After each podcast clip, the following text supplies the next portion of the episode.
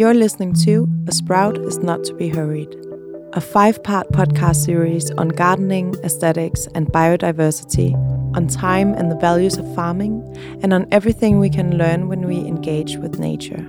This episode is a special one in the series, both because it's conducted in English and because the episode brings together acclaimed Danish Vietnamese artist Jan Vo, biodiversity professor Carsten Rahbek, and chef and farming enthusiast Christian Puglisi to talk about overcoming ecological crisis, time and farming, what defines our values and changing perspectives, and how to work creatively to move towards a sustainable future.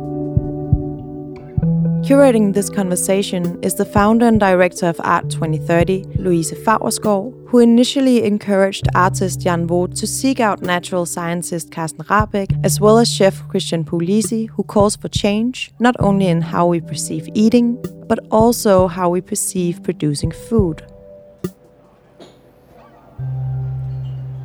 So, now Favrskov, Puglisi, Rahbek and Vo finally meet up on top of Puglisi's restaurant and production site Bæst, where they're seated just next door to fresh cheeses being made ready for the evening and cold cuts in endless rows.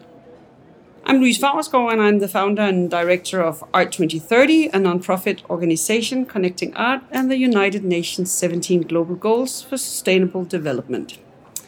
And I'm very pleased to be here today together with artist Jan Vo, biodiversity professor Carsten Rahbek, and chef and food activist Christian Puglisi. Jan. As an artist, you very often use your personal history as a starting point for discussing more universal themes such as migration, globalization, desires, and now biodiversity.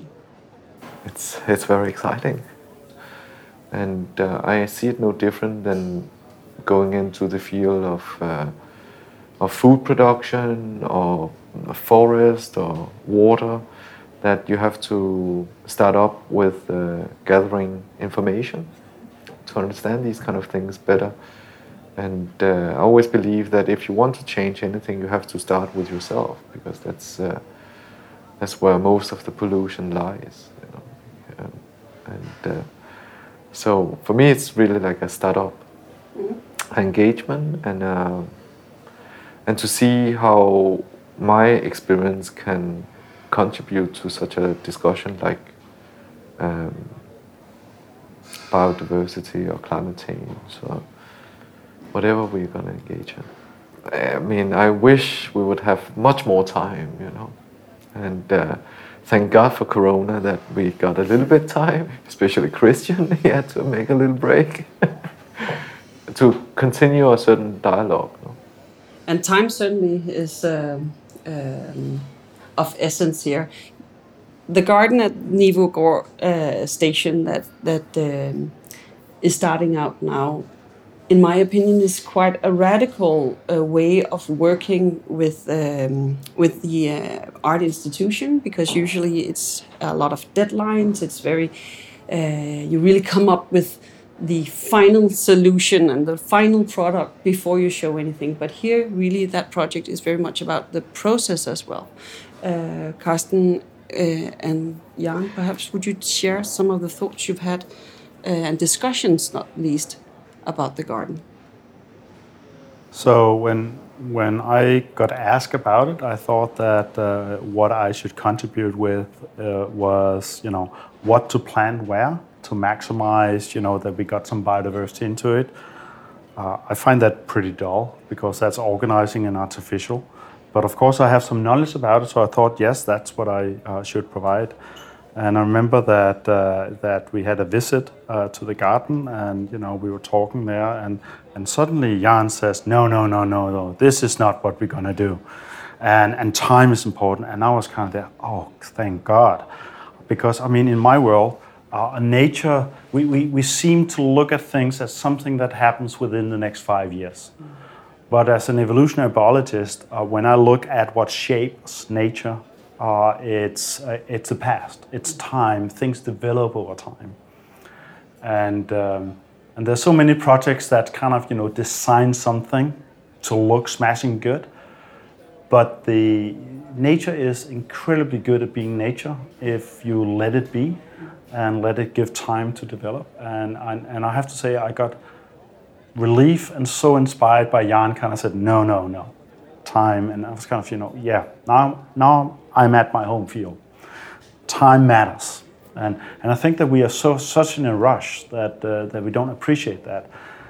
Nature cannot be rushed to be, you know, to, to, to evolve and, and, and display its beauty. Uh, but, you know, then I, you know, I'm a garden. I love my garden. I do arrange my garden. It looks very pretty. It has nothing, it's very artificial. Uh, I think one of the things that inspires me the most is that I go out in nature, and nature could be in you know in a garden in a in a city like in uh, Nivå, and some, suddenly there's something there that we did not design or plan that should be there. In other discussions, it was also like how we look at things in relationship to what we think time is, like um, time as human perception, or time for the forest, or that time is also different from different um, uh, situations or uh, and I think that is for me I totally could relate to it in uh, questions of aesthetics no? What is it that formulates a way of looking at things? Why do we think that uh, nature has to be a cornfield because of the Danish golden age or whatever you know like that determines what we think is uh, beautiful or that this is what nature is in principle, no? But there's all these kind of um, possibilities of how we we define time. Yeah, and how we define uh, desires and values. Like what is what what really defines that a weed is a weed and not a flower? Mm. Or a vegetable. Yeah. Or why don't we never think of this is the first year that I looked at trees when they blossom, no? I never thought of trees blossoming. And why are they not flowers? Know? Large flowers. they, no, they're actually quite small on large things. Know? But uh, that's we have all these categories and definitions. That's not necessary. Uh, they're never static. It, it depends on fashion and and and a lot of other things. And I, I think these are totally um, interesting matters to to rediscuss and rethink of. It's often said that beauty is in the eye of the beholder, but we also know when we're serving uh, uh, people's perception that they, uh, when it comes to nature, that they assign that what they like most about nature is the nature that they experienced when they were kids, and that's actually what what forms their their, their preferences. But that forces us to when we do nature conservation, it's always about maintaining things as they were. Mm-hmm. And by that, we, I think we are, we are taking away the most beautiful aspects of nature, and that is that nature evolves, changes over time. and, and I hope that, that this garden project, uh, with this time, can open up people's uh, eyes and thought about that, you know, that this is actually wonderful uh, because we're so used to fight to maintain things as, as they are. Uh, nothing in nature is the same from one time to another time. Everything, it's, it's cha- always changing. It's just that we live so short that we don't appreciate it and we don't see it. And this is why I find, you know, the interactions with, with uh, chefs and, and, and, and artists uh, is that they come with a different approach to it than my scientific thinking but it, it, it, there are some common features in there about aesthetics and you know let things be and, and then use knowledge also to, to optimize things and that combinations but also to challenge what you know the predefined this is the best way to do things and try to evolve that. And time is a good um, is a good machine to let things evolve yeah actually i think all three of you in each your uh, fields, scientific, art, or food. And Christian, that's also you're very interested in, in, in that people know the food that they are eating. That we that we get to know our produce better. One thing that is uh, uh, to me very fascinating uh, in nature and a perspective that most of us uh, are completely denying or maybe forgotten is that it, it tends to both show a lot of generosity and then also with times of scarcity. And I think that those, that's also how a lot of food culture comes from, from, from, from that dynamic. From you have times where you have plenty, so therefore you, you, you deal with it accordingly. You understand how to preserve and how to appreciate, and that's why you have your festivities. That's why you, in the winter, you, you, you slaughter the pig and you have uh, a, a bounty full of food, and you need to preserve this for the rest of the year. And then, and then you have times where you have less, where you understand to make more out of nothing, where you understand how to make øllebrød or how to make things that does not make a lot of sense unless you are forced to think creatively. And I think that that is a dynamic that is a gift, while creatively, I think is a gift, and philosophically, it's a gift. And I think it's very uh, underestimated today because we are used to just wanting more. And we don't understand that for more you also need less for that to work. And that's a dynamic that you see in nature always. And uh, i think particularly as carsten says also if if it if it's not manipulated to the point where we make it do what we want it to do you know if you do a garden it's kind of strange because you really work with nature but again you really work against nature all the time you really try and do everything happen make everything happen that is not supposed to happen that is just much more difficult and and uh, and still sometimes there's some built-in reminders of who's in charge, and it's not you. Jan, you're also very fascinated with the winter garden. Yeah, but when you look at nature, you you have to look at the relationship with things, no? Like the winter, you know, like whatever grows in the summer is related to the winter. When uh, I learned it very fast when I had a garden to love rain because I didn't need to stand for hours and hours to water that fucking garden. No?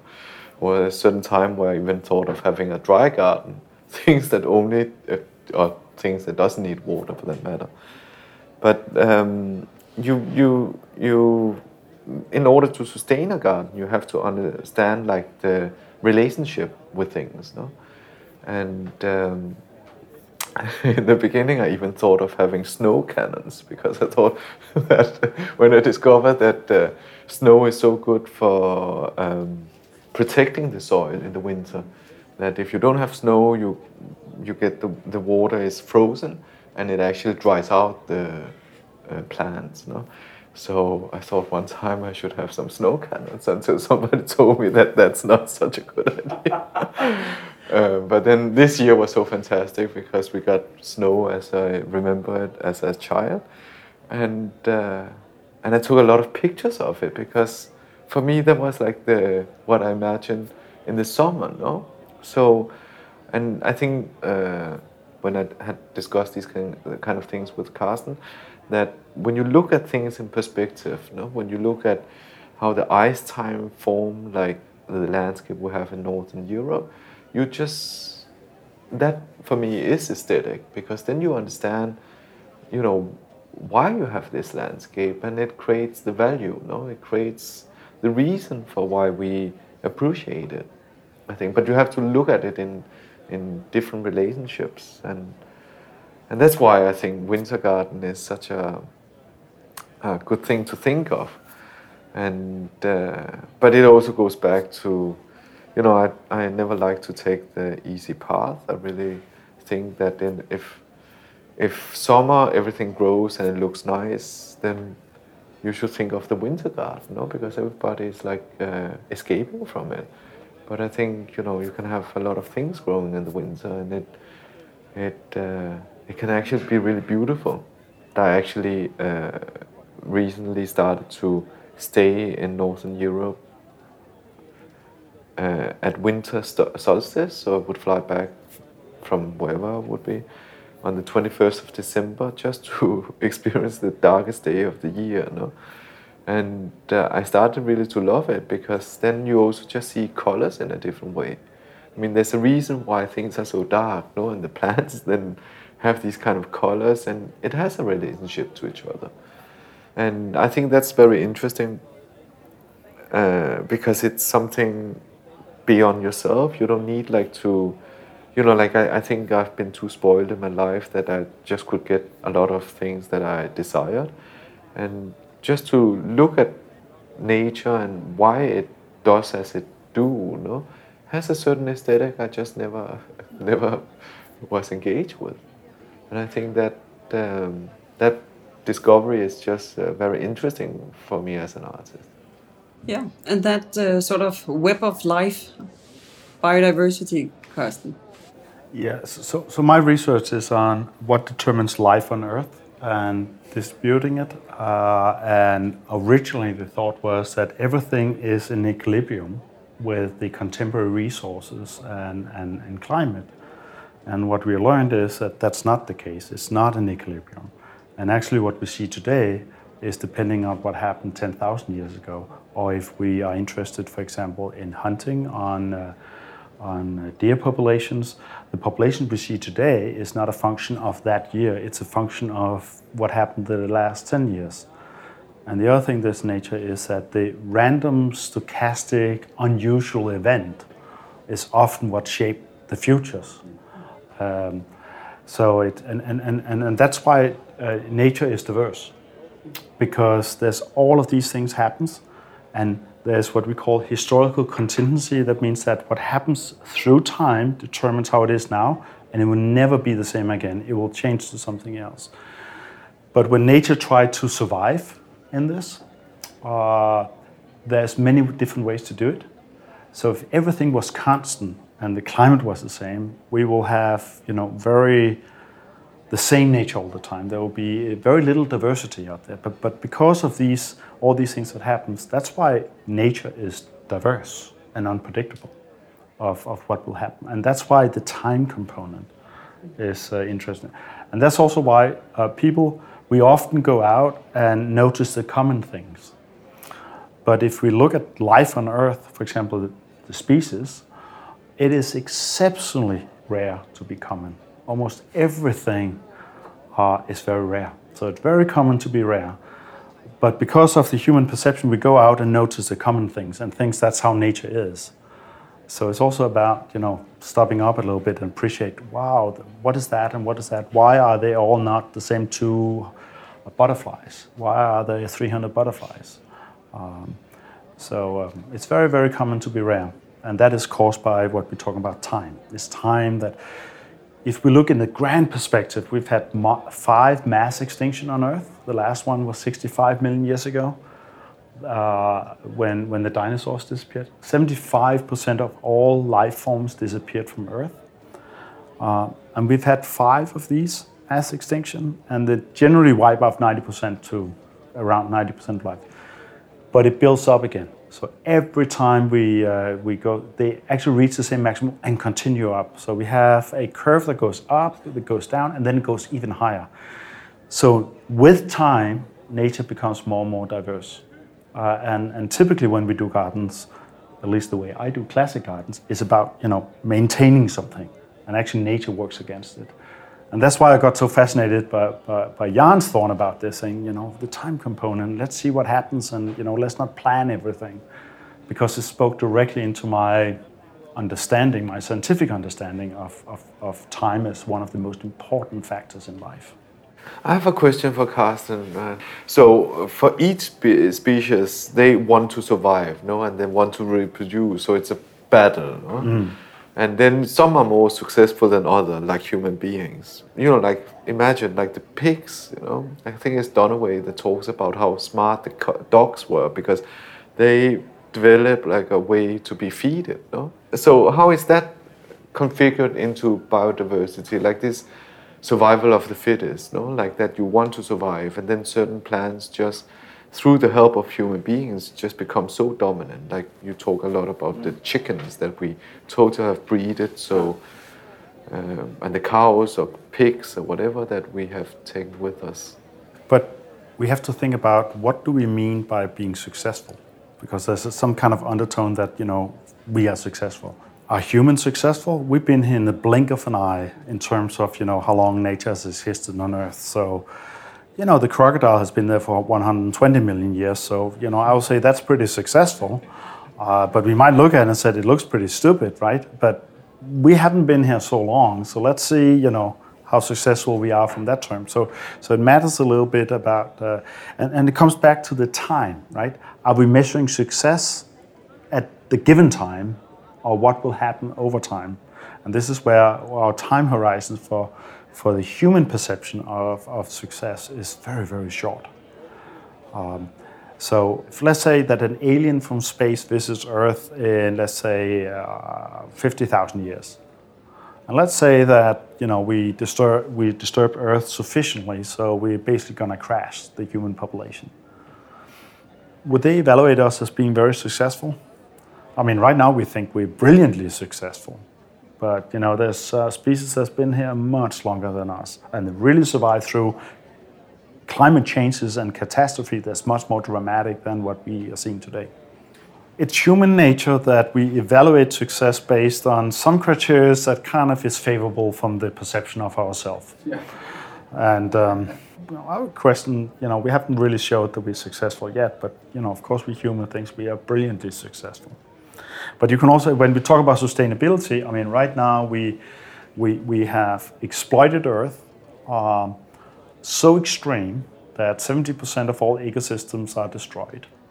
Uh, we don't, uh, uh, 30% of all soil is not no longer fully functional to have, you know, grow uh, food. Uh, we have less than, over 40 years, we lost half the wa- clean water. Uh, we have the pandemic that also is linked to what happens with nature. Um, we, we, we're sitting on a branch, but the way we exploit Earth is not sustainable. So we basically, you know, maybe cutting the branch we're sitting at, uh, unless we're smart enough to, to, to deal with it. But why are we so self-destructive? Like, is there is there some? If you see us, if you would look at us through your your, your yeah. big microscope and say this is a bacteria, yeah. and this is acting this way, is there some reasoning in this that if you look forward 200 years and you see that after the apocalypse, yeah. something happened that somehow, from a genetic survival of the fittest kind of way, you could say 200 years from ah, okay. So there was built in the humans mm. this mechanism of just at one point going, let's just dive in mm. and just turn everything into shit. And then we take it from there. And then something comes out of it? Or is there in nature a way of using the human population to, to disrupt some things? Because if you say, you know, there's a mass extinction and then there's more.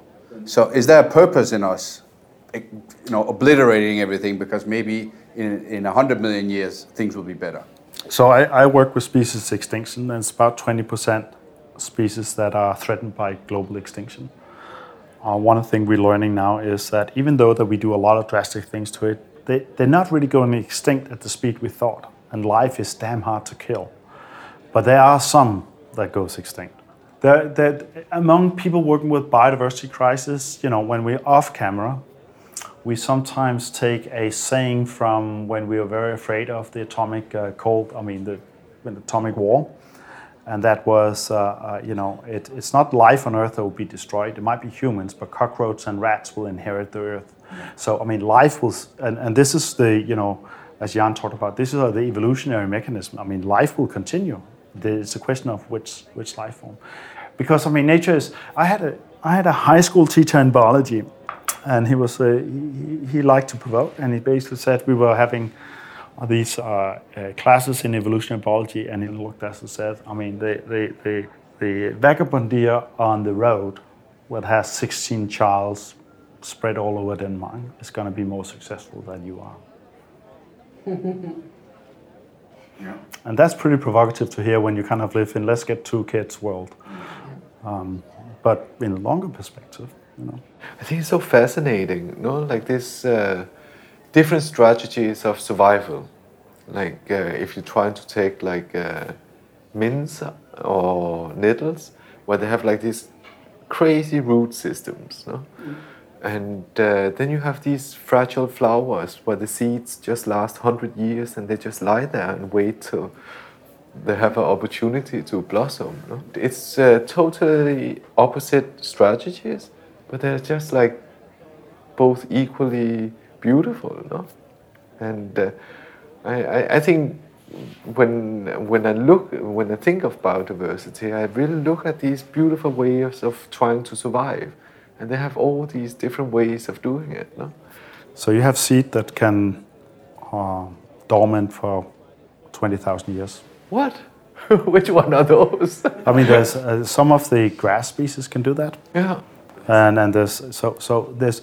I think what we're talking about is that there are not one way of strategy to, to exist in the world. But that's also like a question to Christian, no? Like this idea of uh, fashion, you know. And I know that you, with a lot of other uh, contemporary chefs, did like to reinvent the kitchen and make people thinking of food production in different ways. But it's still a mystery for me, you know, like that you when you have the nettles growing so crazy and then you use so much time on growing spinach or whatever you decide to grow because that's in fashion. And how you know like I, I think those questions for me are super interesting because it's it's going back to the idea of desires and why would you use so much time on this when you actually there's so much of these products around in different gardens so that they can grow so invasive or whatever people determine as. You know like in, a, a good example is uh, the bamboo in asia no they become the most beautiful you know trunks because the asians really like to build scaffolding eating it whatever they do everything with it no? and they contain it even though of course bamboo is like crazy invasive. And not easy to take out of the ground. But uh, in in the culture of most like East Asian countries, it's incorporated in the life, no. That's what I think is missing a little bit in, in the Western food culture. Like you don't have this. Of course, there's certain things, but uh, but the pan, uh, the nettles, no. I mean, it's such a but I think it's the uh, it's a little bit what I was saying before. This idea of abundance mm. is because you just have so much, you stop looking. And while before you would you would have to look, and like sweet Cicely and nettles have a lot of C vitamin, no. But now you have lemons.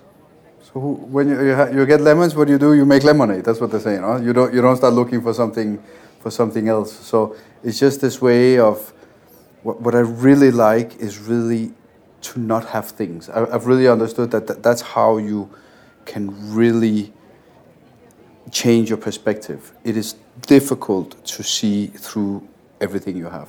You know what I mean? Uh, because and in in our, I, I think that in our world, particularly what you have seen as the last 15 years of success with Nordic cooking and Nordic cuisine, it, it didn't come out of scarcity because we haven't had some sort of scarcity here. What we've had, I think, where we could have had some scarcity would have been in the maybe the strength of the gastronomic tradition. So, in in in Southern Europe, in Italy, and France, you have a very very strong tradition. So it's very difficult for you to rewire the understanding of what is the cooking that we do. While in Denmark, all of a sudden, you could you could bring up something as, as, a, as a chef in, in a modern setting, in a restaurant, and say, oh, now we like to use sweet Cicely. And then everybody's like, oh, it's a part of our culture. Well, it wasn't a part of your culture before you heard about it two days ago. It's more a superficial thing as I see it.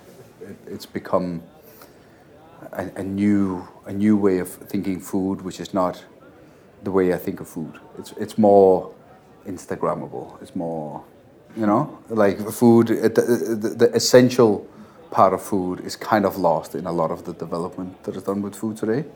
that I think food should be much more about is to enjoy what you don't have. You know, if you if you're capable of enjoying when you don't have things, that's when you really start appreciating food. Yeah, but I think it's also related to the distance between the lay. I mean, I think actually when I pose the question is about labor, no? Because and that probably goes back to the spoiledness of our time that we have the that we don't starve, and then people think it's fun, more fun to grow carrots and potatoes than actually just eat what's there, no? Yeah. And uh, like, yeah, it's just I've looked into you know small scale ecological food production. And I really think, like, why do they work their ass off in that way? For what? And what is the reason? No? Of course, there's demand, but but couldn't it be more simple? I think I'm, I'm just very practical orientated, no? Where I think there's so much waste uh, labor in it because there's things that just could be more easy, you know. But that's really back to how we dis, uh, defined desires or values. Yeah, yeah. Why not actually see value in in what's there instead of sort of bringing a new set of value? The other day I read about a, a, sheep's farmer that that said uh, that he had eaten the same thing every day his whole adult life, and it was like uh, I think it was like toast with butter. If he had guessed there was marmalade in the weekend, and then I can't remember what the what the it was like uh, boiled potatoes and something. It was extremely simple and it was every day the same. And he said, "I'm the happiest man alive." And he was tending his sheep, and he said, "The sheep they eat everything, uh, they, they eat the same thing every single day, and they are the happiest sheep you can find." and I see them, and I can see I'm taking care of them, and I'm very happy. And the like it was like, wow. I was really impressed. Like I was really like, because because sometimes also when when I think we can talk about diversity and all these things, which I think makes sense, but I, I think that there's a way of sometimes wanting too much variation in your everyday life. I think we suffer from it today because in the end, that much variation does not really it doesn't call for much uh, uh, uh, diversity. It's it's just the same thing with different colors on it, you know. And and people, oh, they need to have access to many different things, and they feel that they need to, you know. Today, uh, yesterday I had tuna. Today I need salmon. Uh, you know, tomorrow I want something else. And I, I just actually found it really refreshing that someone was just eating the same thing and he was so satisfied. And I thought that that's also, a- you can say that that's a very natural thing because I think he's extremely right. You know, the sheep eat the same thing every day. That was his point. I was like, that's a great point. I'm speculating a little bit, Christian, on what you're saying, and, and now we have this ca- potato fields. So when we became wealthy enough, then we search for diversity in the food when we go to restaurants, and, and in the course of that, we, you know, I grew up on potatoes, and today we almost never make potatoes. We kind of, you know, don't use it because it was so abundant, it was so, so, so now we walked away from it, and basically that was what brought up our European economy when we start, uh, you know, having potatoes because it provided ample food enough. Those big carbohydrates that were sort of the foundation of agriculture that has brought people out of uh, also the hunter-gatherer uh, uh, era and into a, a time that then would become much more wealthy and give much more abundance. Uh, at, at a time you would have uh, uh, a diversity being much more local because whatever microclimate you would have been whatever earlier generation would have taught you would be what you would eat every day. So if you would be able to travel the world in, in 1500, you would see everything being completely different wherever you went. But with time, we have sort of bridged away from this, and we want the whole world to be our shopping basket, and which means that one day you need to eat something Thai that is not really Thai. Then the next day you want to eat some sushi that is not really sushi, and there's a lack of understanding and connection to this. But what is obviously, as we talked about, the potato, which has been your staple that has brought you very far, now is not as sexy as it used to be, and does not really provide you with with uh, with much interest. So, so one of the things I find interesting with the history of pot- potatoes is that you know there's four five hundred uh, uh, wild forms. They used to be an enormous variety, and then they kind of got harmonized to being the big one that could really feed people. So we have this form that comes in a huge diversity, and over time we kind of you know lose that diversity and produce the same thing and the same thing. Uh, and now there seems to be a little bit of a search back to the diversity thing. That's also a little bit part of, of some of the things in the new Nordic mm. kitchen. It's it's become a common theme to say as a chef that you know the vegetables are sort of your alphabet. So the, the, the more you have, the, the more you can expand whatever you work on, and you you, you can you you can expand your vocabulary. You can say, and I think that that's a that's a part of the of the creative lang- language, but I still insist on the fact that that to really apply a creative approach to cooking, you need to not be able to get something, and that's that's how you you find a way that makes it interesting and gives it character. Character comes from overcoming the difficulties, being adversity, being scarcity, being what it is. You know, in, in the world of gastronomy, it becomes a little bit boring because you can access everything from all over the world and in the general uh, food system becomes a little bit boring because we have been reduced to eating uh, five things you know so that, that's kind of the, the, the paradox but but not only have we kind of narrowed the food items to feed the world but also uh, for the potatoes uh, over the uh, five almost 500 years it's been in Europe we basically lost most of the genetic diversity in it. So it's all become more and more of the same right? And I guess at the potato field in Nivå, it will look the same because it's it's the, the potato as one of the most basic um, food producers we have. It's very banal in a way, but actually it will be a diver- diversity of um, kind of uh, potatoes, and yet they look the same. They will actually be very different. Yeah, I think that that's a that's a, a simple message that probably if you just see a field of potatoes, it's a field of potatoes, and that is what it is. But then the process behind it has done that there's actually a lot of diversity between them, if you can call that diversity, obviously, because it's still the same same crop. But there's a big variety, and it's just this this way of. I think the discussion we had also about nature, you know, it doesn't. The, the, picture that we have about diversity is not necessarily what it is, and that that you need to pause a little bit and ref reflect on it and see what's going on under the soil to see the diversity. I think that that's a that's a that's a very simple and a powerful message. Yeah.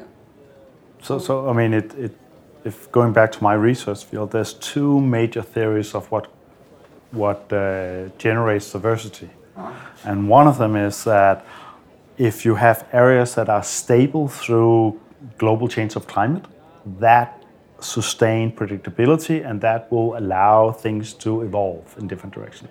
The other hypothesis says, no, no, no, no. It's the instability, it's the harshness, it's f- you're forced to figure out how to survive. Uh, and those are the two main, if I'm generalizing, theories about you know what caused diversity on Earth, and they're very opposed to each other, and they might have some of the components. Uh, to, to the answer, both of them. Part of what I like about the garden project is that, uh, and, and I'm, you know, I, I, I think that we all, when we have such a project, we, we all have our own perception and understanding of it. And one thing that I thought was so inspired was that I don't know what to expect from it. I, I don't know where Jan is going to go with this. Uh, you know, if I'm looking at the garden, it looks like 10 other 10,000 other places in Denmark. I wouldn't pay attention to those, but here there's a thought put into it that actually makes it interesting uh, to, to look at.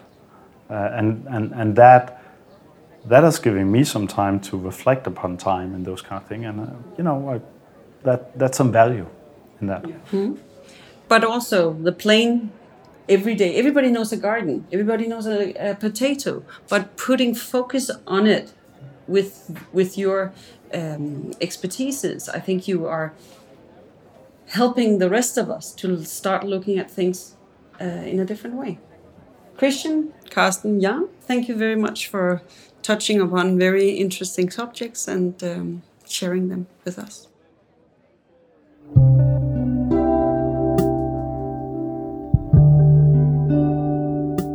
You've been listening to A Sprout is Not to Be Hurried, a podcast series published by the Nivaagaard collection on biodiversity, aesthetics, and time in connection with the long term collaborative art project Jan Vo Presents, founded by the Obel Family Foundation.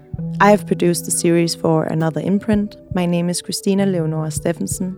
My sound designer is Sofia Rønde Stork, and the music is made by Jakob Andersen.